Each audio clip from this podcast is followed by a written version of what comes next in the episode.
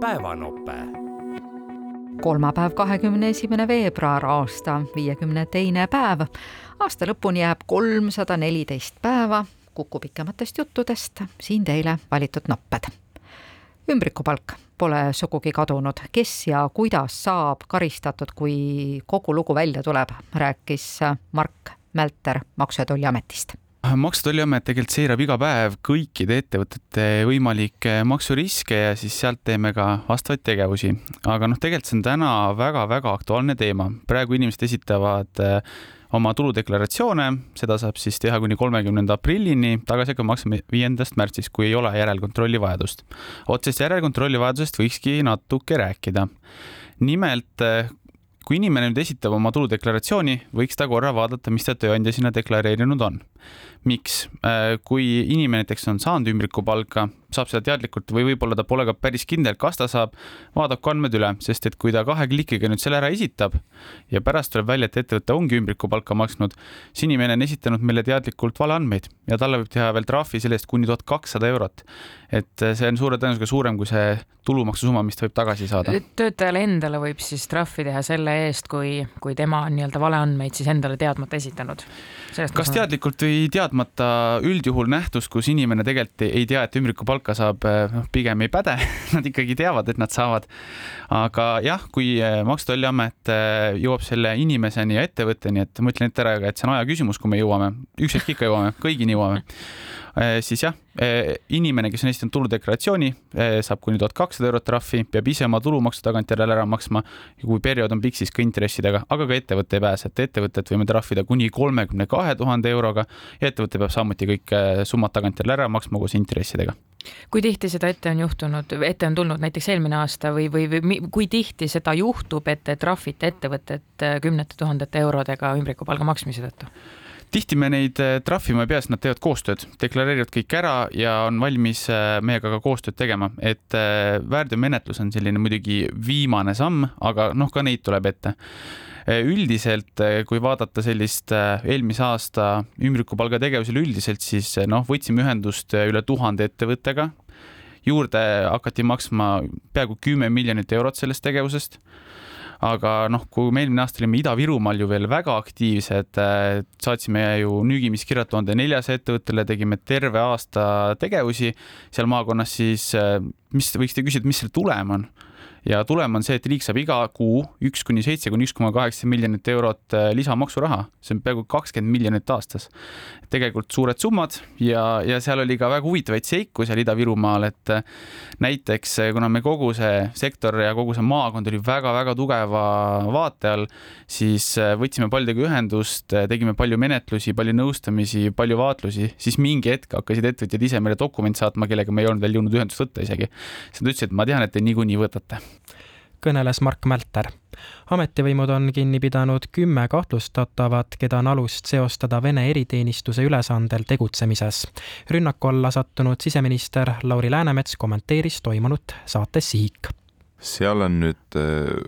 kaks asja, et äh, tõesti palgata neil on oluliselt keerulisem neid inimesi, sellepärast et me oleme ära sanktsioneerinud äh, Vene kodanike liikumise üle Eesti piiri sealt ida poolt siia, mis tähendab, et füüsiliselt on seda raske teha, pluss me oleme saatnud välja päris palju inimesi, kes on saatkonnas varem seda tööd teinud. no nüüd tehakse seda veebi teel, et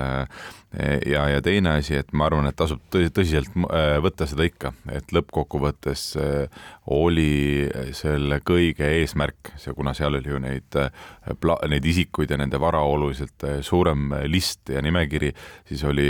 eesmärk väga paljudele teha selline, selline puude ära. et me võime mõelda, et see on huligaansus, aga nii-öelda kokku suures pildis oleks ta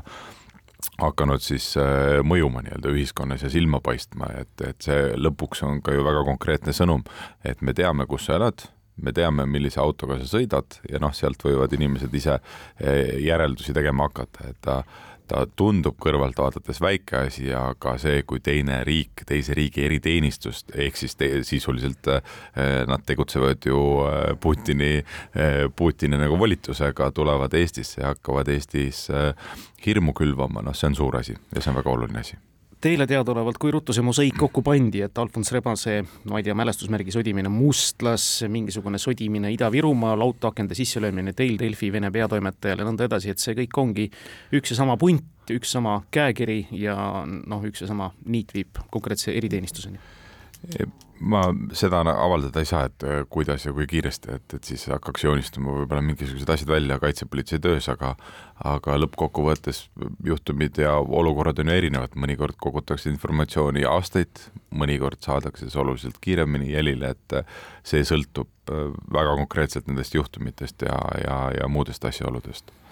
uudistest on läbi käinud, et tegemist on olnud siin ka Eesti kodakondsetega, Vene kodakondsetega, kodakondsuseta, topeltkodakondsusega isikutega, kes nad siis tavaliselt on olnud, kes need tavalised inimesed on olnud, ongi lihtsalt olnud sellised, ma ei tea, lollikesed, ullikesed, ma ei tahaks uskuda, et siin veendunud ideoloog oleks selle tegude taga olnud. noh, võib-olla keegi ei saa välistada, et, et seal ka ide-, ideoloogia oli, aga, aga põhimõtteliselt võiks öelda, et, et mõned neist olid sellised ma ei tea, kas äh, kergemate, lihtsamate selliste väikeste pättustega siiamaani tegelenud ja, ja politsei huviorbiiti saa-, sattunud. mõni neist kindlasti võib-olla noh, ütleks niimoodi, et, et ebavõrdsus hariduses äh, võimaldab selliseid inimesi leida ja tegelikult äh, ühiskondlik ebavõrdsus, kus kohas sotsiaalmajanduslikult äh, osadel inimestel läheb kehvemini, siis nad kipuvad sattuma halvale teele, noh, et ja, ja, ja inimesed, kes, kes sellistes olukordades on, neid on ka võimalik teiste riikide eriteenistustel palju paremini ära kasutada. ehk siis see loogika, et julgeolek ei ole ainult tankid ja, ja soomustehnika, vaid julgeolek on tegelikult see ka, kuidas inimeste toimetulekuga on, et see siin äh, avaldub väga hästi. rääkis Lauri Läänemets maailma suurimate majanduste pingereas on esimene USA ja teisel kohal Hiina. hiljuti selgus, et kolmandal kohal ei ole enam Jaapan, vaid hoopis Saksamaa. uudist kommenteerisid saates Buum Raivo Vare ja Anto Liivat. see on olnud paljude analüütikute, majandusinimeste jaoks väga üllatav, sest äh, Jaapanis aktsiahinnad ja indeksid on äh, väga kõrgel, samal ajal tõesti teatas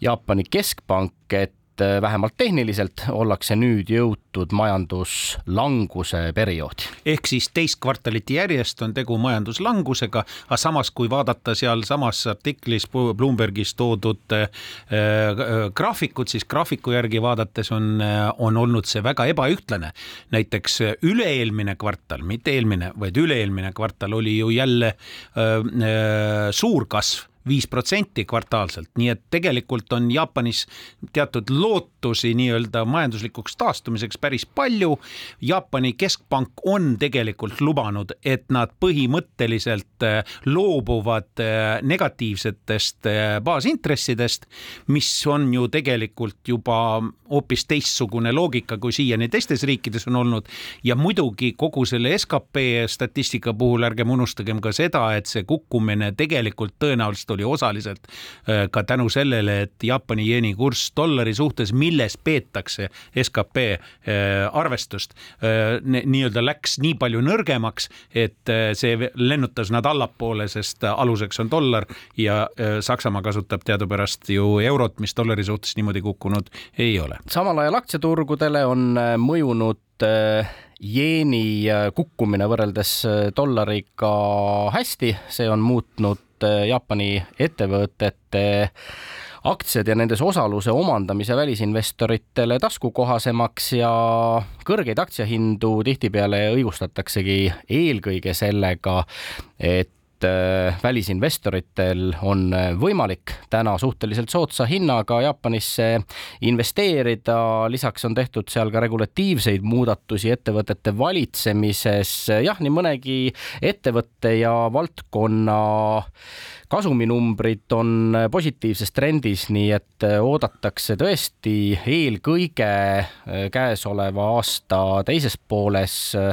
pigem äh, taaskord majanduskasvu. meie saate hea toetaja SEB Pank on privaatpanganduse strateegi Sander Tanili suu läbi öelnud, et üleilmsete aktsiaturgude vaates näevad tegelikult paljud analüütikud seda, et ettevõtete kasumiootus tõuseb alates teisest kvartalist ja, ja ikkagi see aasta teine pool tõesti peaks olema soodsa investeeringu kliimaga, mitte ainult Jaapanis, vaid üleilmselt laiemalt. lihtsalt